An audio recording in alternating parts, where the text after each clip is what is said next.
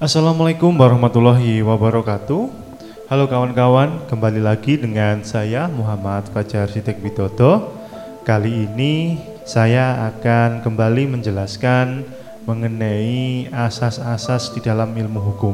Kali ini kita akan membahas mengenai asas-asas di dalam hukum internasional.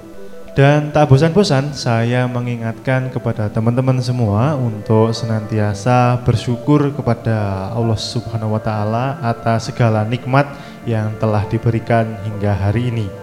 Dan juga kita berdoa kepadanya agar senantiasa diberikan keselamatan, kesehatan, kelancaran serta kebahagiaan untuk menjalani aktivitas sehari-hari. Amin. Oke, langsung saja masuk ke dalam materi kita pada pertemuan kali ini. Materi kita kali ini berjudul Asas-asas Hukum Internasional. Nah, sebelum itu saya akan menjelaskan terlebih dahulu mengenai materi-materi yang akan kita pelajari dalam materi kita kali ini. Langsung saja, yang pertama kita akan membahas mengenai pengertian, yang kedua adalah dasar dan sumber hukum internasional, yang ketiga adalah ruang lingkup, dan yang keempat adalah asas-asas. Kita mulai materi kita yang pertama, yakni mengenai pengertian. Pengertian hukum internasional. Di sini saya mengambil satu rujukan dari ahli hukum internasional Indonesia. Ya, beliau sangat melegenda terkait dengan hukum internasional. Beliau adalah Mohtar Kusumaat Maja. Beliau menjelaskan hukum internasional ialah keseluruhan kaidah dan asas yang mengatur hubungan atau persoalan yang melintasi batas negara antara negara dengan negara, negara dengan subjek hukum lain bukan negara, atau subjek hukum bukan negara satu sama lain. Nah, di sini uh, beliau menjelaskan ya kita pecah terlebih dahulu atau kita jabarkan unsur-unsurnya. Di situ pertama beliau menyebutkan keseluruhan kaidah ya. Keseluruhan kaidah atau norma dan asas ya. Kita sudah mempelajari perbedaan antara kaidah atau norma dengan asas. Nah, di sini ada dua hal yang berbeda.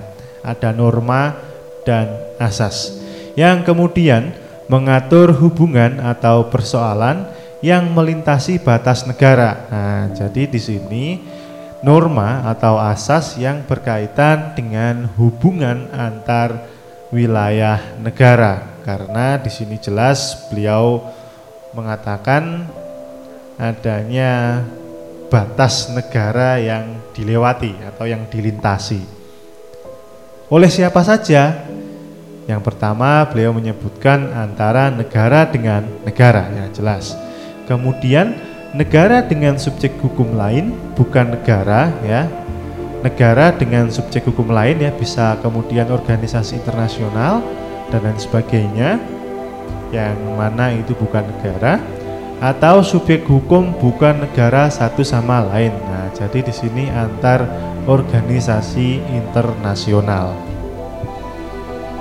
Nah, itu tadi terkait dengan pengertian hukum internasional menurut Mukhtar Kusumaat Maja.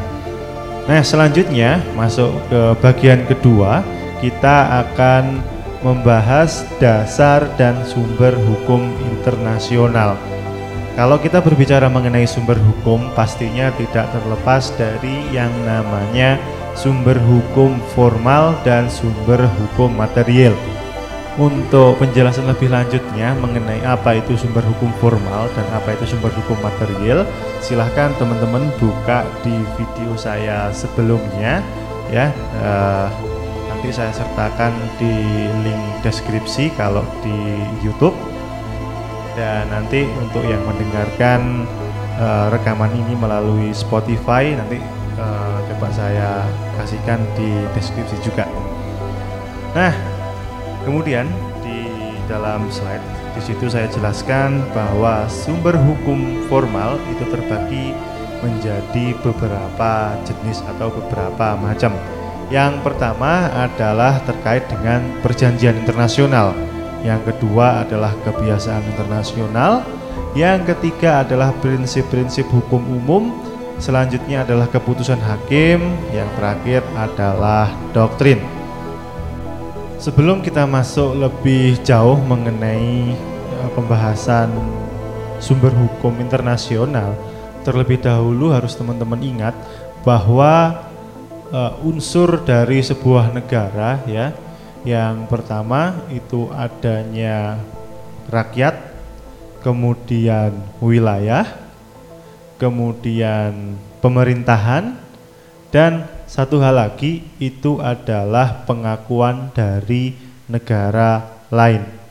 Kenapa seperti itu? Ya bisa teman-teman saksikan ya fenomena sekarang.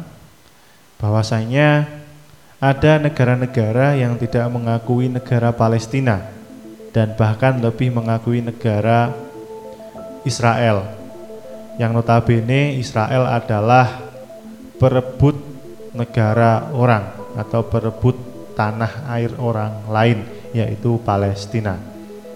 Tetapi kemudian dengan segala hal ya terkait intrik dan politiknya kemudian seolah-olah Israel lah yang kemudian berhak atas tanah Palestina. Nah itu tadi sedikit intermezzo dari saya. Kita lanjutkan terlebih dahulu terkait dengan sumber hukum material. Nah di dalam sumber hukum material di situ saya tuliskan adanya traktat, resolusi Majelis Umum, putusan hukum, proposal dari International Law Commission, dan yang terakhir adalah sebuah restatement yang dinyatakan oleh sekelompok orang terpelajar. Nah, nanti penjelasannya ya akan saya buatkan video tersendiri. Ini kita membahas secara umum terlebih dahulu. Kemudian di slide yang selanjutnya atau slide ke-7 ini terkait dengan penggolongan sumber hukum internasional. Ya, kalau tadi kan uh, for antara formil dengan material, kemudian yang ini menurut para sarjana hukum internasional. Nah, yang pertama adalah kebiasaan, kemudian traktat, keputusan pengadilan atau badan-badan arbitrase, karya-karya hukum, keputusan atau ketetapan organ-organ atau lembaga internasional, dan yang terakhir adalah prinsip-prinsip umum hukum. Kemudian menurut sifat daya ikatnya. Di situ ada sumber hukum primer dalam hukum internasional dan sumber hukum subsidiar.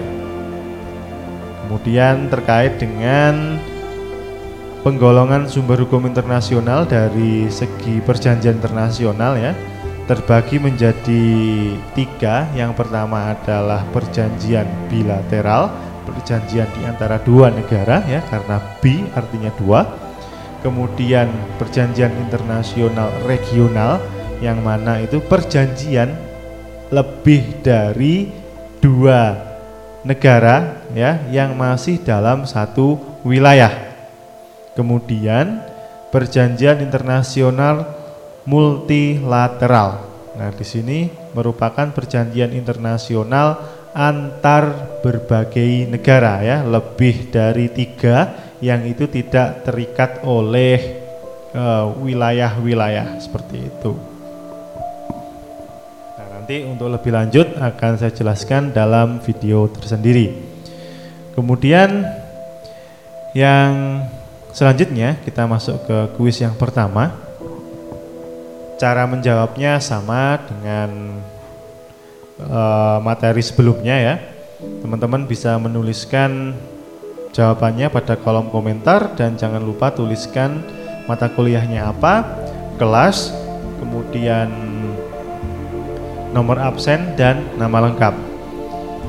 Pertanyaan yang kedua, sebutkan jenis-jenis sumber hukum internasional yang melibatkan Indonesia di dalamnya. Nah, seperti contoh, Indonesia itu ada perjanjian bilateral dengan negara apa? Kemudian perjanjian regional yang melibatkan Indonesia itu apa aja? Kemudian perjanjian multilateral yang melibatkan Indonesia itu apa aja? Nah, ini contohnya sangat banyak sekali kawan-kawan, teman-teman bisa mencarinya di dalam internet. Oke. Saya lanjutkan terlebih dahulu mengenai ruang lingkup hukum internasional. Nah, ketika kita membahas ruang lingkup hukum internasional ya, di sini saya bagi menjadi dua bagian. Yang pertama adalah hukum internasional publik dan hukum internasional privat. Hukum internasional publik adalah hukum internasional ya yang akan dipelajari di dalam uh, hukum internasional. Jadi nanti terkait dengan hukum internasional privat itu adalah hukum perdata internasional ya. Tentunya hal ini uh, akan berbeda skup atau cakupan yang kemudian diatur di dalamnya. Nah, terkait dengan hukum internasional publik tentunya ini akan mengatur hal-hal yang sifatnya umum. Seperti misalkan perjanjian untuk melakukan penangkapan ikan, kegiatan pelayaran internasional, kemudian eh, kegiatan kapal selam. Nah, mungkin itu diatur secara umum. Nah, untuk lebih lanjutnya di antara hubungan kedua negara nanti bisa jadi akan diatur lebih lanjut di dalam perjanjian-perjanjian yang sifatnya lebih khusus ya kalau kemudian ini hukum e, perdata internasional ya nah ini bisa jadi ya subjek hukumnya adalah orang perseorangan atau e, individu ya atau antar individu yang melewati batas wilayah negara. Nah, misalkan jual beli antar negara seperti itu. Tetapi kalau kita berbicara hukum internasional publik kita akan fokus lebih ke hubungan antar negara atau hubungan uh, antar negara dengan non negara atau non negara dengan non negara seperti itu. Itu adalah ruang lingkupnya. Kemudian yang keempat itu adalah asas-asas ya di dalam situ saya tuliskan ada 13 asas mulai dari asas teritorial, asas kebangsaan, asas kepentingan umum, asas fakta sunt servanda, asas equality right, asas resiprositas, asas courtesy, asas rebus sixtantibus, asas persamaan derajat, asas keterbukaan, asas nebis in idem, asas jus cogen, dan asas inviolability dan immunity. Nah, nanti silahkan teman-teman di dalam kuis yang kedua silahkan jelaskan pengertian dari setiap asas di atas. Nah, dan jika teman-teman menemukan ada asas-asas lain yang kemudian belum saya tuliskan di dalam list di atas, silahkan cantumkan di dalam kolom komentar beserta jawaban dari teman-teman ya. Kalau bisa teman-teman nanti untuk jawabnya jadikan satu komentar aja antara kuis yang pertama dan kuis yang kedua agar nanti memudahkan saya untuk memasukkan nilainya seperti itu. Nah, mungkin itu dulu dari saya ya terkait dengan asas-asas hukum internasional dan ini masih saya bahas secara umum ya Nanti akan saya buatkan video lebih lanjut terkait dengan detail dari setiap hal yang ada di dalam materi ini. Sekian dari saya, semoga yang sedikit ini bisa membawa manfaat untuk teman-teman. Dan jika ada pertanyaan, jangan ragu dan jangan sungkan, silahkan tanyakan kepada saya 24 jam. Jika saya masih terjaga, nanti saya akan uh, balas insya Allah ya melalui nomor WA ya yang teman-teman punya atau jika ada penonton atau pendengar di luar dari mahasiswa saya karena ini merupakan video kuliah silahkan menghubungi uh, eh, IG saya di @mfajar sw ya itu ada m.fajar.sw nah nanti di situ Silahkan jika ada bertanya dan jika ingin lebih lanjut kita bisa bertukar nomor WA di situ. Terima kasih banyak atas perhatiannya kawan-kawan. Wassalamualaikum warahmatullahi wabarakatuh.